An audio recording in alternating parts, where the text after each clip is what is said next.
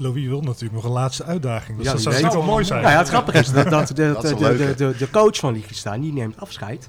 Eh, die eh, vertrekt eh, na de Nations League vertrekt hij, dus er komt een nieuwe coach. Dus ja, als Louis graag een uitdaging wil eh dat is aangaan, dan mooi, zou ik hem ja. dat zeker aanraden. Nou, we ja. zetten het in de show notes. Louis Vergaal naar Liechtenstein. En ik voel al een telegraafje op Hij onze kan, nek. hij kan ons bellen. Hij kan Ja, ons ja, mailen. ja, ja. Ja. Info at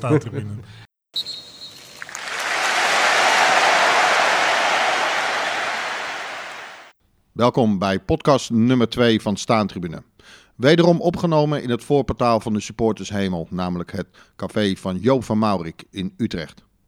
In deze podcast hebben we het over Malta en Liechtenstein en dat naar aanleiding van het boek van Joris van der Wier, namelijk Pot 6.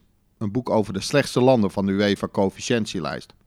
In deze podcast hebben we het onder meer over die ene fan van Liechtenstein die altijd meereist. De prins van Liechtenstein en het voetbalveld in zijn achtertuin. Dat misschien de grootste fan van Liverpool wel op Malta woont. En hoe Joris bijna op dat eiland bepoteld is. En en passant tikken we ook nog even af dat Louis van Gaal hoogstwaarschijnlijk bondscoach van Liechtenstein gaat worden. U heeft het goed gehoord. Dat en nog veel meer anekdotes in de tweede podcast van Staantribune. Joris van der Wier, Tim Hart en Jim Holthuis en ondergetekende Edwin Muis in het café van Joop. We gaan het hebben over pot 6, Liechtenstein. En eh, laat ik bij jou beginnen, Joris. Dan gaan we daarna naar onze gast eh, Tim Hart. Welkom trouwens, Tim. Dankjewel. Ehm, hoe ben je erbij gekomen om een boek te schrijven over pot 6? En eerst even, wat houdt pot 6 in voor degenen die er wat minder behept mee zijn? Ja, pot 6 is de, eigenlijk de slechtste landen van de UEFA eh coëfficiëntenlijst. Dus dan is er een loting voor een eh, EK of WK-kwalificatie. Daar heb je pot 1, daar zit vaak Nederland in. Eh, zeker nu weer. En dan gaat het zo steeds verder tot pot 6. In pot 6 heb je Andorra, Liechtenstein, Malta, dat soort landen. En ik ben altijd gefascineerd geweest door die kleine landen. Dat komt eigenlijk door een wedstrijd eh, in 1990. De Farer speelde toen voor het eerst een officiële wedstrijd tegen Oostenrijk. Van tevoren had je allemaal stukken erover. Waarom doet zo'n raar eiland mee en zo? En Tony Polster, de, destijds de vedette van Oostenrijk, die zei: Als wij met minder dan 10-0 winnen, dan moeten we ons kapot schamen. Nou, dat kwam natuurlijk. eh, die kreeg je even terug, want eh, eh, de Faro won met 1-0. Ja, de keeper met een gek balhoedje, Jens Martin Knoetsen. Die wel eens met een heftruck in de haven is eh, gevallen en zo. Dus het waren allemaal amateurs, vissers. Eh, de uh, de Faroese kampioen Schaken zat in het team. Dus dat was echt niet serieus te nemen. Maar de Faro won. Nou, het verhaal kwam natuurlijk op Studio Sport. Dus ik dacht op dat moment... Ik was helemaal gefascineerd daardoor. Ik moet de Faro aanschrijven. Dus ik heb de KVB een brief gestuurd. Hebben jullie het adres van de... van de eh, Bond van de Varer. Nou, KVB, destijds zeer sympathiek, die stuurde dat terug. Dus ik heb een brief gestuurd. Ik, ja, ik was op dat moment 12. Dus mijn Engels was niet al te best. Maar ik heb ze toch een brief gestuurd. Oh, gefeliciteerd. Een verhaaltje erbij. Eh, echt geweldig dat jullie hebben gewonnen. Ah, een paar maanden later kreeg ik een brief terug. Van ze, ah, leuk dat we een Nederlandse fan hebben. Uh, ze hebben toen een vaantje meegestuurd. Uh, Jens Martin Knoets, waar ik het over had, heeft een handtekening gezet. Ik had zelfs gewoon een echte foto gekregen van het elftal van heb ik nog steeds. Ze hebben een speldje gestuurd, een programmaboekje. Dus sindsdien ben ik natuurlijk altijd een fan van de Farer uh, gebleven. En van de kleine landen. Dus ik wilde altijd een keer doen, ik ga alle kleine landen bezoeken. Dat heb ik altijd een keer in mijn hoofd gehad. Alleen toen was het probleem, toen ging ik het eindelijk doen. Toen had de Farer net twee keer gewonnen van Griekenland. Dus die zaten in pot 4. Dus mijn boek pot 6, daar zit mijn lievelingskleine land zit niet bij. Maar ik had toch het gevoel, ze gaan het, het, het gaat veranderen met de Nations League. Ik denk dat over een paar jaar de kleine landen niet meer in de kwalificatiepool zitten. Dus ik dacht, ik moet het nu doen. Ja. En wat ook leuk was, was dat net uh, Gibraltar en Kosovo waren toegevoegd. Met Gibraltar heb ik ook altijd wel iets gehad. Dus, uh, ja, ik ben een Brits georiënteerd, dus ik dacht, ik moet het dit jaar doen. En uh, toen heb ik alle, het waren negen landen, heb ik ze alle negen gevolgd. Of ja. heb ik ze één keer bezocht. Um, Tim, over naar jou. Tim Hart. Mm -hmm. uh, jij bent een jongen uit Utrecht, als ik het wel heb. Ja. Die fan is van Liechtenstein. Ja, dat, dat, dat, dat vereist een verklaring, vind ik. Ja, uh, nou ja, net als uh, Joris ben ik eigenlijk ook altijd wel fan geweest van, van de underdog. En Liechtenstein is natuurlijk zeker ook de laatste jaren ook wel een enorme underdog. Um, in 2004 toen speelde Nederland elftal in de Galgenwaard. met Dave van den Berg trouwens ook in de basis. tegen Liechtenstein. En ja, ik was wel gefascineerd door dat klein landje. Uh, 35.000 inwoners. Eh, eh, een landje dat bestaat uit verschillende dorpjes en die speelt gewoon EK-kwalificatie. En toen ze een aantal jaren later ja, ook nog eens gelijk speelde tegen eh, Portugal thuis, 2-2. Met toch spelers in de basis als Figo en Cristiano Ronaldo, was ik eigenlijk helemaal verkocht. En eh, toen dacht ik van wauw, eh, dat ja, is toch wel fascinerend eigenlijk. Ehm, toen ben ik op de middelbare school gekomen en toen heb ik Duits geleerd. En toen kon ik het ook eigenlijk allemaal een beetje bijhouden. En ehm, ja, ik vind het gewoon van een fantastisch klein landje. Het, het, is, ze zijn heel benaderbaar. Hè? Ik ben ook eh, wat fan, of wat, wat eh, aantal. eh, ik heb ook een aantal Facebook-vrienden, Liechtensteins Facebook-vrienden. En daar chat ik af en toe wel eens mee. En ehm, ja, het feit dat ze, ja, vaak verliezen ze. Ehm, maar goed, soms winnen ze ook wel eens. En dat is natuurlijk hartstikke leuk om wel eens eh, mee te maken. Ja, zit daar een extra aantrekkingskracht in? Dat ze vaak verliezen en dat je weet... hè, dat, die, die supporters zijn meestal wat trouwer dan bij... nou ja, ik voel hem al aankomen. Bij mijn club uit Amsterdam. Ja, ja eh, eh, misschien wel. Kijk, het leuke van Liechtenstein is, vind ik wel, dat ze altijd wel hun best doen. Hè? Als je die voorbeschouwing ook leest op de, op de website, willen ze de tegenstander altijd ergeren. Dus altijd hinderen, zeg maar. Ja. En ze doen altijd hun best. En, en ja, op een gegeven moment, ja, dan verliezen ze wel eens. En als ze dan wel winnen, dan is het natuurlijk ongelooflijk feest eh, in, in, in de kleedkamer en eh, op het veld. Hey, en wat houdt eh, fan van Liechtenstein in? Regelmatig daar naartoe? Nee, dat, dat nog niet. De kaartjes zijn niet zo heel moeilijk te, of heel makkelijk te krijgen en nog wel best duur. Voor, eh, ja, waar? Ja, voor Liechtenstein tegen Gibraltar betaalt ook al zo'n 50 Zwitserse frank. En ik weet niet precies wat dat in euro's is. Maar dat, dat is toch wel vrij, vrij prijs, prijzig. Ik volg het eigenlijk op afstand. Ik, ik check om de zoveel tijd check ik, de Liechtensteinse media. Eh, ik kijk af en toe wel eens een wedstrijdje eh, via een stream. Dat nu eigenlijk wel veel makkelijker is dankzij die Nations League natuurlijk. Omdat het ook al vaak op, op eh, normale zenders wordt uitgezonden. Ehm, en ja, ik, ik, ik volg heel veel Liechtensteinse spelers, op Facebook. En een uitwedstrijd van Liechtenstein. Nou ja, ik vind het wel heel erg jammer dat Nederland... Ja, natuurlijk is het fijn dat Nederland natuurlijk weer in pot 1 is. Maar dat betekent ook, als ik het goed begrijp, dat ze eh Liechtenstein niet meer kunnen treffen. Ja, dat klopt. Dus dat is wel heel erg jammer. Ja. En ik had ze wel graag in Nederland eh, zien spelen. En waarschijnlijk winnen wij dan met 5-1 of 5-0 of zo. En dan, Wij is Nederland, toch? in Nederland, Ja. ja, ja, ja. Ehm, ja ik, ben, ik heb Liechtenstein wel ooit in Nederland zien spelen. Dat was in nou, voor mij 2004 of zo, of 2005. Eh, jong Liechtenstein tegen Jong Nederland was dat. In Den Bosch. Uitslag 3-0 van Nederland. Dus dat zijn eh, de toppers. eh. ja, ja, ja, ja, ja, zeker. Ja. Wat zijn jouw ervaringen met Liechtenstein, Joris? Ja, ik ben het eigenlijk eens met jou. Met, eh, ze zijn heel benaderbaar. Ik heb sommige landen, eh, ik benader ze voor mijn boek. En eh sommige waren heel afhoudend. Die dachten, ze, oeh, die, er komt een buitenlander hier, die gaat ons belachelijk maken. Met name bij San Marino had ik dat idee. Maar bij Liechtenstein was het juist heel makkelijk. Ik kon iedereen daar eigenlijk spreken. De, de, de keeper, de aanvoerder van het team, de, de Johan Cruijff, Mario Friek. Van, eh, was, iedereen was heel benaderbaar. Ook eh, journalisten. Eigenlijk, ik kon, ze hebben zelfs een, een prins daar. Alleen die was, die, die was net die week weg op staatsbezoek. Maar die was ook, het was ook mogelijk om hem te spreken. En ja, dat is, dat is eigenlijk heel raar. Want het is, ja, het is niet als je hier komt dat ik zeg... Ja, ik wil eh, Willem-Alexander spreken. Dat, dat kan. Ja. dus eh, nee, nee, dat was... En iedereen was ook heel eh, open en zo. Het is, eh, het is een heel fijn land, vond ik ook. Misschien te fijn om goede voetballers te kweken. Dat was ook een beetje het kritiek daar van... Het land is zo goed... er zijn zoveel banen dat ouders zeggen vaak... nou ga jij maar in de financiële sector werken... in plaats van, oh, in plaats van dat je voetballer gaat worden. Die Mario Friek, waar ik het over had... die heeft een heel erg intrinsieke motivatie... En die zei, nee, ik moet het proberen, ik ga naar Italië. En dan zat hij in trainingskamp, het was ontzettend zwaar, Serie C. Als de enige spits dan, hij werd geschopt, eh, hij sprak de taal niet. Maar dat heeft hem er wel doorheen gekregen. En het probleem is dat veel andere spelers denken, nou, ik blijf lekker in Liechtenstein... of ik ga net over de grens in Zwitserland spelen. Dat is bekend en dan hoef ik niet al te goed eh, mijn best te doen. En dat is een beetje het nadeel van eh Liechtenstein. Terwijl als je uit een, uit een wat armer land komt... Ik bijvoorbeeld ook in Georgië geweest. Daar willen de spelers zo snel mogelijk weg. Die hebben veel meer dat, eh, ja, ik, voetbal dat is een carrière. En in Liechtenstein wordt gezien als een soort, nog steeds als een spelletje. Eh, Wat zijn nu de bekendste voetballers van Liechtenstein? Eh, op dit moment is dat eh Dennis Salanovic, die speelt bij FC Thun in de Zwitserse Eredivisie. Ehm Marcel Bugo heb je, die speelt bij Empoli. Tenminste, daar staat hij onder contract, maar die speelt eigenlijk bijna nooit. Zo'n apart gevalletje trouwens, die is geboren Oostenrijker, maar die, is daar, heeft daar een Liechtensteinse paspoort gekregen. Waardoor hij voor Liechtenstein mag uitkomen. Ehm, eh, ja, Sandro Wieser, die heeft ook bij Hoffenheim een tijdje gespeeld en bij Redding. Daar speelde hij ook bijna nooit. En volgens is hij weer teruggegaan naar, uh, naar, naar Vaduz. Um, en voor ja, voor de rest spelen ze eigenlijk, als een professioneel voetbal spelen, is ook eigenlijk bijna bij FC Vaduz. En die hobbelt een beetje mee in de Zwitserse keukenkampioen-divisie, maar daar moet je ook niet heel veel van verwachten. Is er eigenlijk ooit een Liechtensteinse voetballer in Nederland?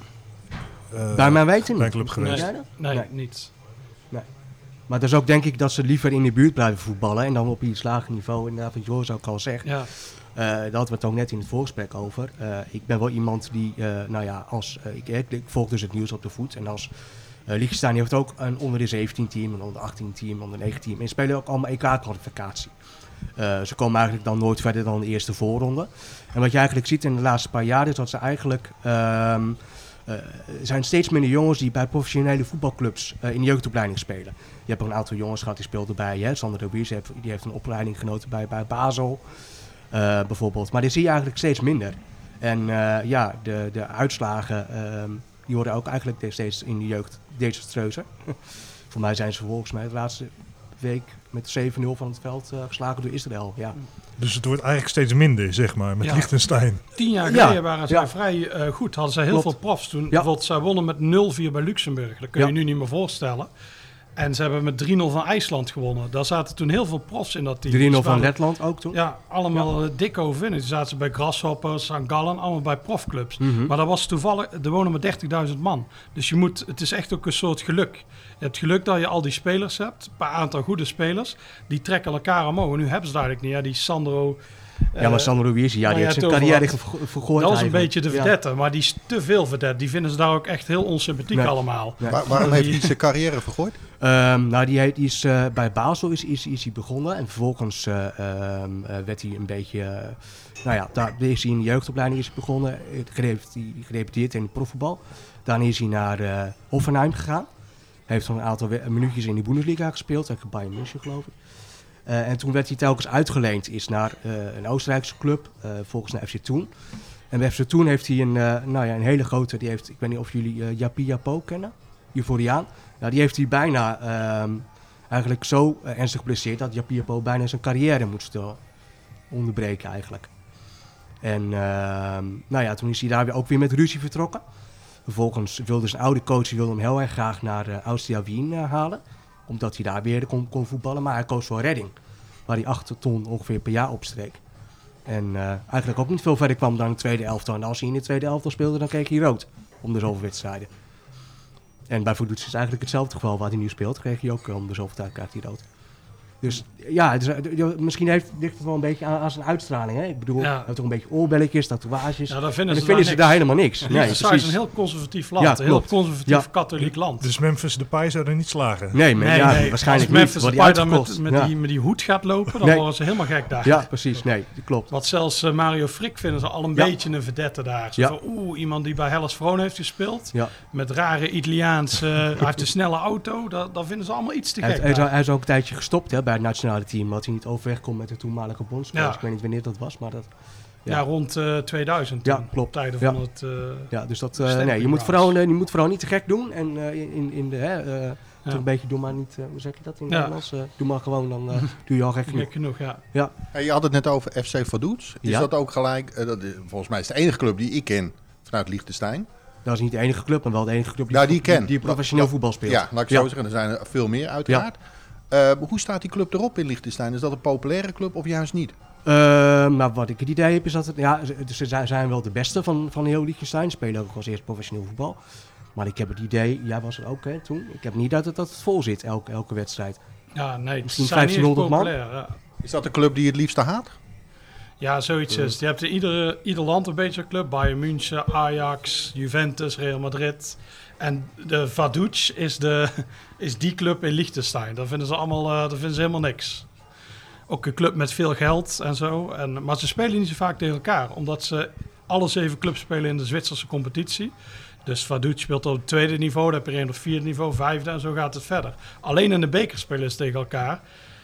Alleen dat is weer heel erg on, uh, ongelijk. Want je hebt wel eens dan Vaduz moet dan tegen een club die speelt tot 7 uur. Dan wordt het 18-0 in de halve finale van de beker. Ja, en dan speelt Faduca met zijn tweede. Dus dat is, het is allemaal wel heel ongelijk. Ja, jij vergeleek dat volgens mij net, voordat we de opname maakten, met Utrecht tegen Benschop, zoiets? Ja, zoiets. Zo, zo zou je het kunnen vergelijken inderdaad. Utrecht die dan professioneel voetbal speelt en bijvoorbeeld een FC Triesenberg of zo, die dan meehelpt in de Zwitserse derde klasse. Ja. Ja. dat is natuurlijk hartstikke leuk, maar voor een, voor een, een, beker waarin de winnaar uiteindelijk in het Europa League toernooi uitkomt, hè, dus eigenlijk zo'n nationaal kampioenschap, ja, dat zijn de verschillen denk ik veel te groot. Dat is wel raar. Dus FC Vaduz, die weet dat ze elk jaar, ik denk voorronde Bijna elk Europa jaar. League, ja, eh, precies. Ja, klopt. spelen. Ja. En daar, daar houdt ze denk ik ook wel, ook wel een beetje rekening mee.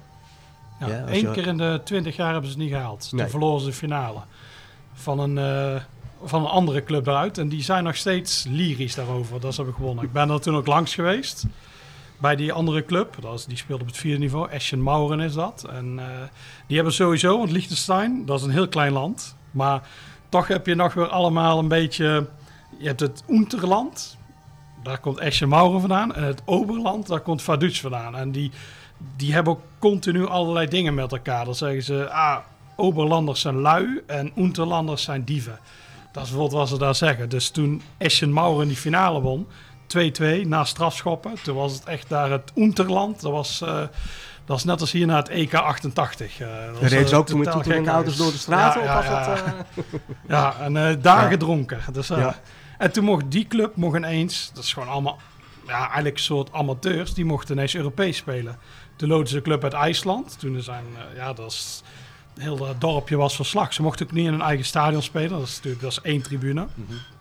En eh, ja, daar hadden ze het nog steeds over. Eh, die wedstrijd, dat is, eh, dat is de wedstrijd van hun leven.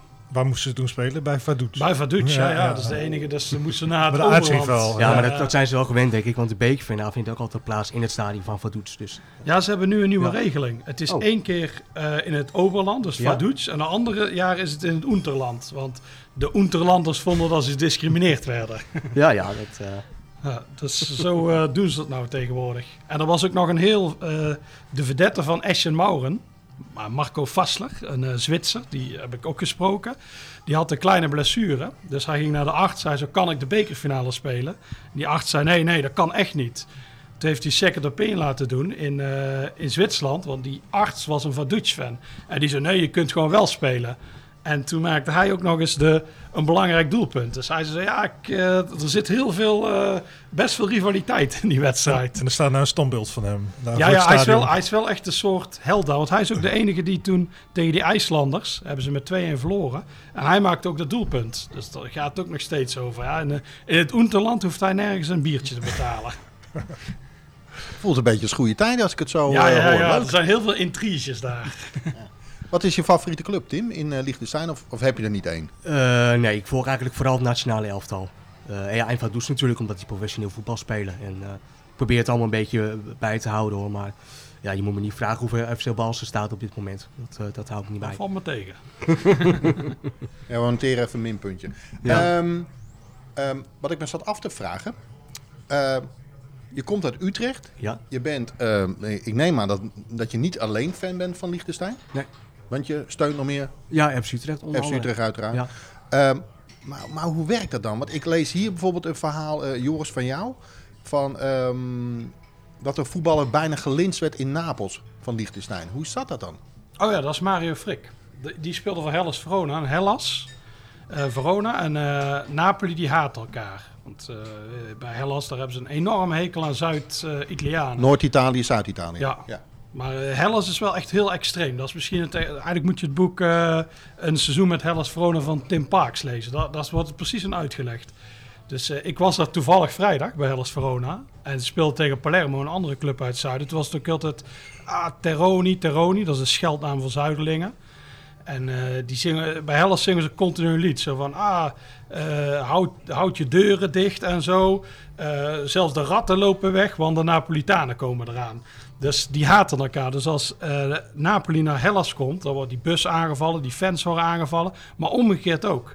Dus Mario Frik, die is gewend in Liechtenstein en in Zwitserland te voetballen. Die zat toen met Hellas, gingen ze naar Napels. En toen kwam die bus vast te zitten. En toen zei die sloegen die ruit in, eigenlijk net zoals bij River Boca. En hij zei het gekste was, het was niet alleen tuig. Opaatjes staken middelvingers op, oma spuugde aan ons. Het was echt, hij zei, ik heb nog nooit zoiets meegemaakt. Dus dat is echt, het was best beangstigend voor iemand uit Liechtenstein om zoiets mee te maken. Dat was puur, hij zei, zo'n haat heb ik nooit gezien. Als toen bij eh, Napoli uit. Maar wa- wat houdt het in met bijna linsen? Was dat gewoon vanwege die bus ruiten Ja, ze sloegen die ruit in en zo. Ze Ah. wilden eigenlijk ze, wilden ze te pakken krijgen. Dus, eh, en die Zuid-Italiaanse politie, die gaat natuurlijk, die worden continu beledigd door, door Hellas, Verona, eh, fans en zo. Dus die zijn niet al te actief. Nou, we hebben het gezien bij AEK tegen Ajax. Het is niet dat de Griekse politie heel veel tegen die ultras deed. En dat is omgekeerd ook bij Napoli. Daar houdt de politie zich- houdt wel een beetje afstand. Er zal wel een correlatie zitten op financieel gebied, ik zeg het even heel netjes, tussen misschien politie en Ja, een aantal supporters. ja, ja. Wat is het verhaal van die supporter van Liechtenstein die het nationaal team achterna reist? Want er is er één, toch? Ja, ze hebben één fan. En die, eh, Ze hebben één fan. Ja, ja ze, ze hebben meerdere fans, maar eentje die naar iedere wedstrijd gaat.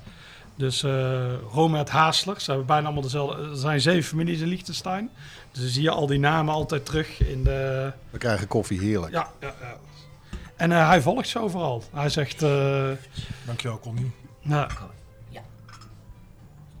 Maar hij gaat dus echt overal mee naartoe. Ja, een hij dure gaat hobby. Als je ziet, hè, Tim, wat jij net vertelt, wat een kaartje kost. ja, ja, maar hij werkt. Voor hem is het natuurlijk, als hij naar Macedonië gaat, is het heel goedkoop. Hij, hij werkt in de financiële sector in eh, Zwitserland. Hij werkt zelf in Zurich. Dus die heeft wel. Voor hem zijn dat soort wedstrijden juist heel goedkoop. Nou, het grappige is inderdaad, wat je, wat je het ook al zei, eh, eh, Armenië uit eh, keek ik. Altijd op, mijn- lastig. Op mijn, op Ja. mijn lap, ja, nou, ja, nou, nou, nou, Ja. toch best lastig. Zeker voor Liechtenstein. Keek ik op, op mijn laptopje en toen werd er in het liveblog van de bond ook gezegd van nou, we worden vanavond gesteund door één supporter. En ik denk dat het best wel eens die meneer Hassler zou kunnen zijn, die inderdaad eh, in zijn eentje in het uitvak eh, zat en eh, heel hard juichte toen Liechtenstein eh, scoorde. Ken je hem ook? Via Facebook? Of Ehm, via Twitter heb ik hem eventjes wel even gevolgd, ja. Maar hij twitterde vrij weinig over Liechtenstein. En Ja, dat klopt. dat vind ik dan weer jammer dat hij... Het waren vooral klaagtweets over, cons ja, over consumentenzaken. En dan ja, vo- ontvolg ik iemand eh daarna weer Ja, snel. hij zou inderdaad meer over Liechtenstein zelf moeten doen. maar heeft, Ja. heeft die gast ook bijvoorbeeld een groot spandoek of zo bij zich? Of een vlag van... eh nee, nee, nee. nee, Liechtenstein nee. hooligans of zo. Hij zit eh, daar- Piro in zijn eentje. Ja, Zo'n fakkeltje. Ja, hij zei wel, hij wordt wel altijd, had een keer een nadeel, toevallig tegen Macedonië. Macedonië mocht de wedstrijd, eh, moest de wedstrijd zonder fans spelen. En hij was daar in Macedonië als enige fan. En toen mocht hij natuurlijk, UEFA, uber-bureaucraten, dus hij mocht niet naar binnen. Toen heeft zijn oom, die journalist is, nou ja, zo werkt dat in die wereld, die heeft toen een perskaart voor hem geregeld. Dus hij zat toch binnen. Dat had die Ja. spandoek van You Can't Ben Liechtenstein Je kent fan. bijna Liechtenstein Ja, ja, ja. fan, ja. Dus, dus Ja. zat hij toch binnen. Dus, eh, en hij zei, nou, maar meestal wordt er wel positief op hem gereageerd door andere fans. Ook als ze met meerdere zijn. Zij was met tien man bijvoorbeeld. Alleen eh, bij Portugal weer eens heel erg gedist. Hij vindt Portugal away vond hij de minste. Die zaten heel, heel te vervelend te doen tegen de Liechtensteiners. Dus eh, die 2-2 waar jij net over had, daar was hij ook heel blij mee. Dus apart, dan is toch volgens mij een hoop geld vanuit Liechtenstein in de tijd naar Portugal gegaan.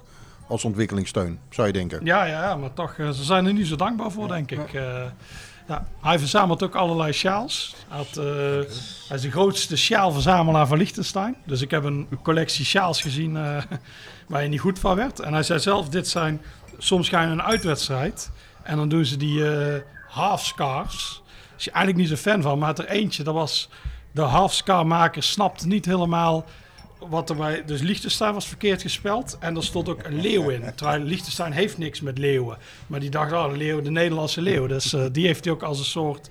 Als rariteit. eh. Ja, dan mag het nog, vind ik. Ja, ja, Als het fout gespeld is en zo, dan kunnen we nog mee lopen als een soort vorm van ironie. ja, toch? ja, ja. En als sjaalverzamelaar heeft hij eh, ze natuurlijk. Maar het, was wel, ja, het is wel apart om in je eentje... Hij zat eens een keer naar Rusland, away. Dan zat hij eens een eentje in een vak... en dan zaten dan een paar honderd militairen naast hem.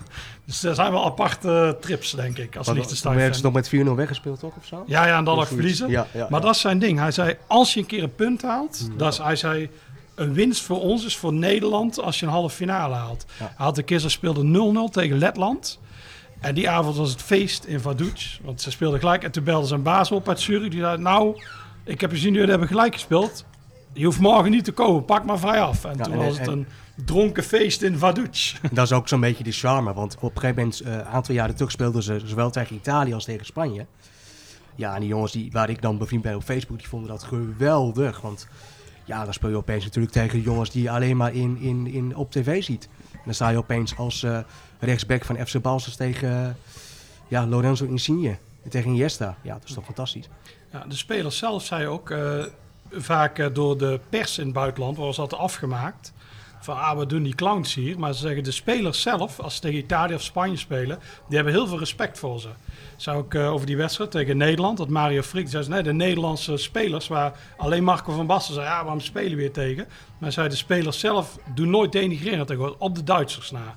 De Duitsers zien Liechtenstein een soort kolonie van ze of zo. En die doen altijd heel erg minderwaardig tegen ze. Alleen, zij voor de rest is het eigenlijk nooit een probleem. En zij vinden het ook fijn, zei de Liechtensteiners als die tegenstanders blijven doorgaan. En hebben die uh, spelers, hebben die, we hebben nu toevallig net een shirtjesnummer uit. Tenminste, hij ligt nu alleen nog vandaag nog in de winkel.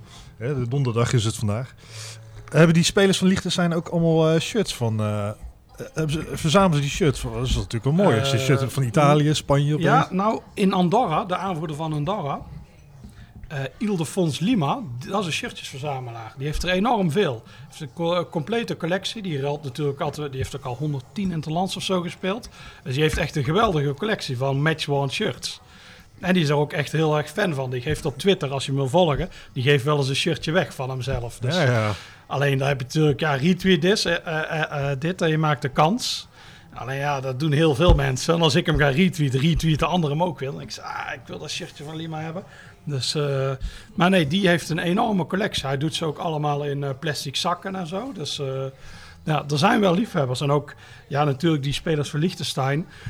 Als, het te, te, als ze tegen grote naam spelen, bewaren ze hem natuurlijk wel. Het is natuurlijk leuk om tegen Peter...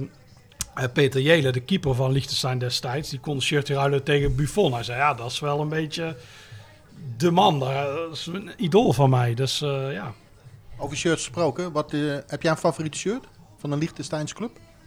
Uh, nee, maar ik vind wel dat uh, ze hebben nu, uh, ik weet niet of je daar wat meer over kan vertellen, Joris, maar Liechtenstein heeft sinds een aantal maanden een nieuwe shirtsponsor, Macron, Italiaanse merk. En die hebben wel een fantastisch shirt, vind ik nu. Dus die heb ik nu besteld.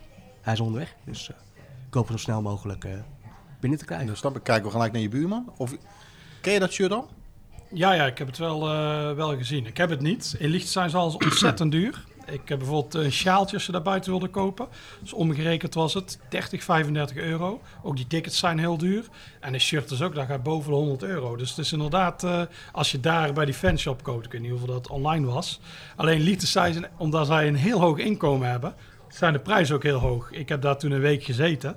En als je dan een flesje cola koopt of zo, gewoon de supermarkt, dat is wel een paar euro. Gewoon een klein flesje wat hier... Uh, dus ja, de levensstandaard ligt heel hoog daar. Ja. Ik denk voor de shirtjes, fetishes onder ons.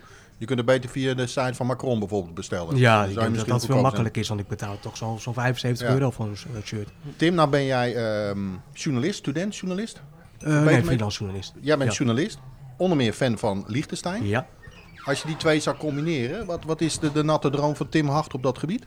Ik zou nog wel heel graag een keer een wedstrijd van ons willen zien in dat stadion. Het, is, het ligt ook tegen het berg aan, dus als je daar op de tribune ziet, dan zie je zeg maar, de Alpen zie je als in de verte. Ja, het is al een fantastisch uitzicht. Ja. Natuurlijk. Dus dat uh, zou ik wel hartstikke... Ja, de tickets zijn alleen heel duur, dus dan zou je misschien als uh, journalist op de perstribune jezelf een beetje binnen kunnen smokkelen.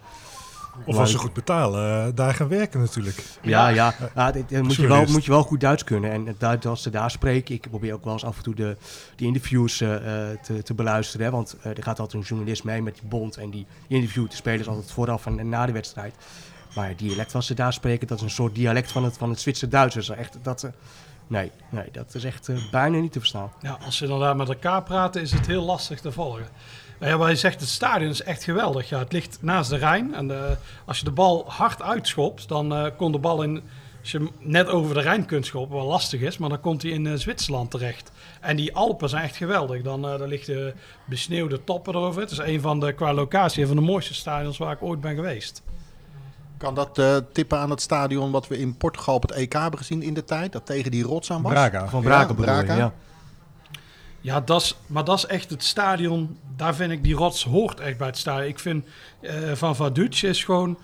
En van Liechtenstein natuurlijk, de Rijnpak. Dat is vooral mooi vanwege de omgeving. Want het stadion zelf zijn vier losse tribunes. Gaat wel, maar het is vooral de omgeving die het hem doet. En dat je bijna als de, dat je de bal naar Zwitserland kunt trappen. Dat is natuurlijk een gekke iets. En je kijkt uit op het paleis van de koninklijke familie. Rijkste koninklijke familie van, Van die, eh, van die prins, van waar we het net Van over hadden. ja, ja. Ja, dus die heeft een soort skybox, zeg maar. Die Ja, kan zo van bovenaf naar binnen ja, kijken. ja, Ja, ja. ja. Dus die, die zit daar mooi lekker in zijn, eh, in zijn paleisje. Met een pilsje erbij. Ja, lekker Ja. boezen. Dus je zou eigenlijk die prins moeten interviewen. Het, liefst tijdens de wedstrijd. Ja, dat zou wel inderdaad wel heel mooi zijn, ja. Eh, Joris, nog even terug naar je boek, Pot 6. Ehm, ik heb er wat, wat, wat zaken uitgehaald. Ehm, je bent op een gegeven moment op Malta een shirt van Willem II tegengekomen. Daar moet een verhaal achter zitten, denk ik. Oh ja, ja, ik ben, ja, ik ben overal ongeveer een week geweest. En ehm, dus ook op Malta. In het begin dacht ik, ja, Malta, wat moet ik daarmee? Wat weten we van Malta? Die 12 1 nederlagen en zo. En voor de rest, eh, ja, het is lastig. Maar toen ging ik een beetje erin zoeken. Of in, eh, in die voetbalcultuur. En Malta blijkt helemaal voetbalgek te zijn. Alleen ze houden niet van het Maltese voetbal. Want dat is corrupt, omgekocht. Ook iedereen zegt die 12-1, ha, dat is verkocht. Alleen ze houden heel erg van of Engels of Italiaans voetbal. Maar er ligt een beetje je politieke voorkeur. De socialistische linkse kant is voor Engeland en de conservatieve, meer, de rechtse kant is meer voor Italië. Dus als Engeland Italië is op dat eiland, dan wordt het één groot gekkenhuis. Dus daar heb ik uitgezocht. En daarna dacht ik, ik moet, een, ik moet ook nog een club bezoeken. Dus ik woon zelf in Edinburgh. En je hebt een eh, club in eh, Malta, die heet Hibernians. Dus daar dacht ik even naartoe. Dus ik heb afgesproken met de, de stadion. Het is ook een leuk stadion trouwens. Dus een dubbele reden om daar naartoe te gaan. Is dat Ik- trouwens opgericht door Schotten? Nee, dat dacht ik zelf ook. Maar eh, Hibernians ligt in de havenwijk. Ja. En daar lag een eh, boot naast, de SS Hibernia. En daarna hebben ze die club vernoemd. Dus daarom is het eh, Hibernians geworden. Dus, eh, je kunt ook inderdaad, als je daar loopt, zie je die dokken en zo.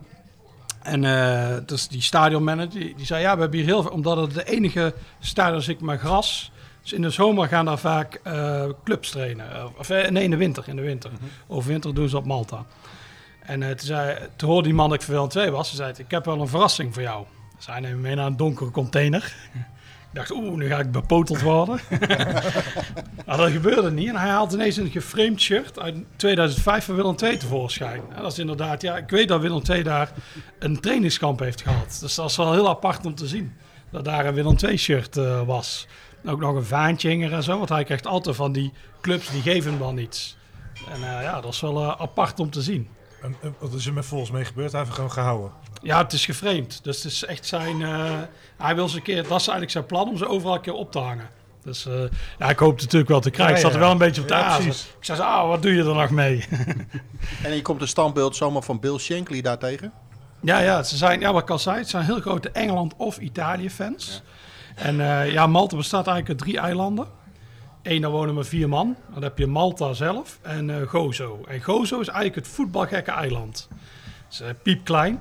Dus ik heb die boot genomen naar de Gozo. Die hebben ook een eigen competitie, heel gek. En dat is echt van... eh, de Maltese competitie is corrupt, zeggen ze allemaal. Maar die van Gozo, die is echt. Want je hebt daar 13 eh, eh, parochies, zeggen ze. En die parochies spelen allemaal tegen elkaar. Dus die kopen elkaar nooit om. Want dat is gewoon ook pure haat en nijd. En, ehm, dus, en op Gozo is ook, ja, ik denk de grootste Liverpool-fan die ik ooit ben tegengekomen. Die, die woont daar. Ik had op internet gezien dat hij een standbeeld in zijn tuin had. Dus ik dacht, ik, zoek contact met die man. En het is inderdaad, er staat een enorm groot standbeeld in zijn tuin van eh, Bill Shankly. Want dat is zijn, zijn idool.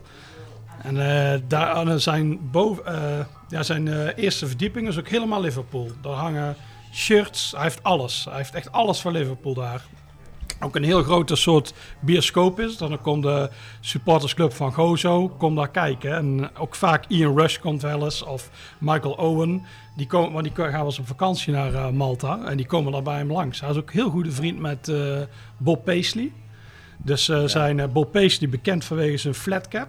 Die was overleden. En toen heeft de vrouw van Bob Paisley... die heeft die flatcap opgestuurd naar Malta. Dus die flatcap met het zweet van Bob Paisley ligt in Malta daar. Dus eh, toen vroeg ik ze van... Hij heeft ook een eigen bar en zo. Dus ik vroeg, waar vindt jouw vrouw hiervan?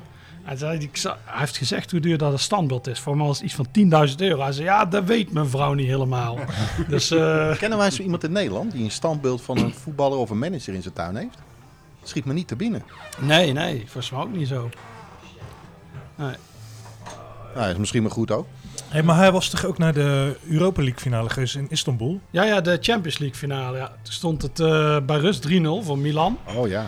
En zij hadden al een beetje haast om de, het vliegtuig te halen. Dus hij en zijn maat zeggen, Glory Hunters, die zeggen nou, we gaan er alvast vandoor, want dit gaat er niet meer Je worden. voelt hem aankomen. Alleen die Turken, die hadden allemaal eh, die hangsloten om de... Je kon er niet uit. Dus als er iets was gebeurd, waren ze ook... Was het ook ja, maar dat is zijn geluk geweest. Het was door 3-3. Eh, uiteindelijk verlengen ze winnen, daardoor miste hij wel het vliegtuig. Maar hij heeft wel daar die overwinning gezien in Istanbul. Dus, eh, Dat is ja, goud waard, hè? ja, dus hij dacht achteraf, dankzij die Turken die dat ding op slot hadden gedaan, eh, heeft hij nog gezien. Maar die was echt, die wist ook echt alles van Liverpool. Ook wanneer dat Liverpool eh, eh, oefen eh, of trainingskamp in Nederland had. Hij wist echt, echt van alles wist je ervan. Ik heb ook die verzameling was. eh, Heeft hij hem al besteld, die, de nieuwe staantribune? Ja, ik, ik zou hem eigenlijk naar hem op moeten sturen. Hij heeft er wel interesse in. Ja, hij heeft me ook eh, wel een beetje geholpen toen met Liver- Liverpool. Zo van, ah ja, hier, eh, deze man kun je wel benaderen en deze. Dus eh, Het is goud waard. Hij kent dus waarschijnlijk ook wel John Achterberg, denk ik dan. John Achterberg, ja, nou ja, die heeft Er natuurlijk, zijn er meerdere hier die hem kennen. die heeft natuurlijk niet bij, eh, bij Liverpool Nee. gespeeld met hè? hij is wel de keeperstrainer bij Liverpool nu. Ja, ja. Ja, we kunnen zo meteen even Joop erbij halen. Ja. En eh, nog even over pot 6. Ehm, eh, even naar jouw team. Mhm. Heb jij ook misschien ooit, denk je dat jij de behoefte ook gaat krijgen om een boek te schrijven wat Joris heeft beschreven? Bijvoorbeeld over Liechtenstein of iets dergelijks? Nou ja, kijk, dat, die- dat, hè, ik vind Liechtenstein wel, wel, wel eh, bijzonder, omdat het, eh, ik ben er ook zelf al een keer geweest. Het is zo ongelooflijk aangeharkt en een net, net landje. En de mensen zijn daar allemaal zo, ik heb tenminste dat mijn indruk hoor, dat, ze zo al- allemaal gewoon keurig eh, eh, zo zijn. En ehm, wat ik wel een beetje jammer vind is dat Liechtenstein een beetje de aansluiting met de andere minis, zoals in Gibraltar en in die beginnen ze een beetje te verliezen omdat er heel veel jongens, eh, net wat Jordan al aanstipte, van veel jongens die willen eigenlijk geen profvoetbal mee worden. Die willen eigenlijk liever in de financiële sector eh, werken. Daar verdien je natuurlijk veel meer dan... eh, Die willen allemaal worden als die ene fan natuurlijk. nou ja, nou ja, kijk, ik bedoel, eh, ik denk dat je bij, ik denk dat je als je een beetje hoog zit in, in, in een bankwezen, dat je natuurlijk veel meer kan verdienen dan als rechtsback bij FC Schaffhausen, met alle respect natuurlijk. Dus die jongens die denken dat die, die, die, ja, die, die Martin Bucho bijvoorbeeld, die ook in het el- elftal speelt, die is, die is arts nu. En die voetbalt in de, in de, op de vijfde niveau van, de, van in Duitsland. Ehm, terwijl hij zelf ook ooit eh, bij FC Zurich gespeeld heeft. Dus ik zie, je ziet veel van die jongens die op een toch kiezen voor een maatschappelijke carrière. En ja, als, als eh, er, er andere landen zijn, bijvoorbeeld de Faroe-eilanden, waar ze wel met een aantal profs eh, spelen, ja, dan, dan, dan verliest Liechtenstein toch de aansluiting. Dat is toch wel jammer. Maar is het ook niet een kwestie van zo'n golfbeweging? Er komt misschien weer een lichting aan over vijf of tien jaar. Elk land heeft Ja, dat. natuurlijk is dat zo. Dat, dat denk ik ook. Maar ik vind het wel opvallend dat ze in, in, in tien jaar geleden dat ze eh, het wel toch wel IJsland, en Letland en Luxemburg eh, met eh nou, forse cijfers verslagen hebben. Dat ze tegenwoordig. Ik bedoel, ik, ik, eh, laatst speelde Liechtenstein onder de 19 eh, EK-kwalificatie. Ehm, niemand meer van die jongens speelt bij een professioneel voetbalteam. Dat geeft toch wel een beetje te denken. Ik denk dat er een, ik denk dat er een masterplan moet komen voor Liechtenstein. Ja. Ja, maar misschien, wil, ja, misschien willen ze dat gewoon. Kijk, het, hè, de, misschien willen ze ook wel ja, het gewoon zo houden. Dat ze gewoon lekker van, ja, het spelen af en toe een beetje potjes. Ach ja, hè, dan verlies je een keertje met, met 8-0 van Italië. Ze hoeven Who dit niet cares? door te sturen naar Jelle Goes bijvoorbeeld. Of eh Louis Vergaal, neem ik aan. Met een Ja, masterplan. Louis, Louis wil natuurlijk nog een laatste uitdaging. Dus Ja, dat zou wel mooi zijn. Nou ja, het grappige is dat, dat de, de, Dat is een de, de, leuke. de, de coach van Liechtenstein, die neemt afscheid. Eh, die eh, vertrekt, na de Nations League vertrekt hij, dus er komt een nieuwe coach. Dus ja, als Louis graag een uitdaging wil eh dat dan mooi, zou ik ja. hem dat zeker aanraden. Nou, we ja. zetten het in de show notes. Louis Vergaal naar Liechtenstein. En ik voel al een telegraafje op Hij onze kan, nek. hij kan ons bellen. Hij kan Ja, ons ja, mailen. ja, ja. Info. Heb jij ook iets met de andere kleine landen? Heb jij iets met San Marino, Andorra? Ehm, ja, heb ik iets? Ja, nou, ik, vind het wel, ik vind het wel fascinerend. En Malta volg ik wel een beetje, omdat ik ja, wel Engels eh, eh, spreek. Ehm, dus ik hou het wel een beetje in de gaten eh, wat ze doen. En vooral met die Nations League is het natuurlijk wel leuk dat die, dat die landen ook tegen elkaar spelen natuurlijk. ja, ja, En vooral, ik vind Luxemburg wel wel fascinerend, omdat ze nu eigenlijk wel met bijna allemaal professionele voetballers spelen. die hebben wel een masterplan gedaan. Klopt. Tien Maar, jaar geleden maar komt het ook eh, misschien omdat, dat, eh, want in Liechtenstein, ik denk dat die sport daar gewoon niet zo populair is. Ik bedoel, met, met de nationale team zitten er misschien 1000 man, 1500 man, meer niet. En ik denk dat Luxemburg daar misschien wel, wel wat anders Nou, over denken. bij toch? Luxemburg is het eigenlijk ook zo, hetzelfde. Eh profvoetballer zijn, dat staat niet heel hoog in, in aanzien. Mhm. Dus eh, alleen dat is tien jaar geleden hebben ze het een beetje omgegooid. Dus ze zijn eh, overal centra begonnen in, in het land. Volgens mij hebben ze er vier. En dus alle beste spelers zitten bij elkaar, zodat Ja. de spelers beter worden. En de spelers worden ook heel erg gemotiveerd om naar het buitenland te gaan. Er zitten vaak bij Bayern München in de jeugd zitten er een paar, maar ook net over de grens of Frankrijk. Die hebben wel echt, eh, Lux, eh, Luxemburg is natuurlijk ook groter. Maar er wordt heel erg gepusht, probeer het maar even in het buitenland. En eh, Maar heeft het ook niet met geschiedenis te maken? Ik bedoel, er zijn meerdere Luxemburgse voetballers die min of meer bekende prof zijn geworden. Ja, maar tien jaar geleden won eh Liechtenstein heel makkelijk van Luxemburg. 4-0 uit, volgens mij zelfs. Ja. Het was, eh, voetbal was nooit echt, is Luxemburg niet echt heel populair. Alleen nu gaat het weer omhoog. Je hebt de eh Dude Line zit nou in Europa League en zo. Alleen daar zit wel wat geld achter natuurlijk. Maar eh, ja. Daar heb ik hele goede herinneringen aan, die club. Maar dat is uit 1983 alweer, is heel lang geleden. Maar dat is Differdange. Die Verdans, ja. Ja, maar daar heb, ik geen, daar heb ik geen goede herinnering aan. Ja, eh. ja, nee, Differdange. eh ja, Schande van Utrecht. Maar ja, dat is weer een ander inter. Oh, dat is inderdaad, dat is waar. onderwerp, ja. ja, ja, ja. Joris, het boek Pot 6. Voor degenen die hier naar geluisterd hebben, die denken... hé, hey, dit zijn leuke verhalen, het smaakt naar meer. Ik ken een boek niet. Waar kunnen we dat kopen? En ik kijk ook even naar mijn rechterkant. Eh, Nou, Vertel maar eens, via, onze, via onze webshop op uh, staantribune.nl. Daar is eh, pot 6 eh, te koop. Net als de overige boeken van, eh, van Joris. Hè, Glorious Hearts en eh, Voetbalstad Liverpool. Die eh, volgende week verschijnt. Dank jullie wel. Graag gedaan.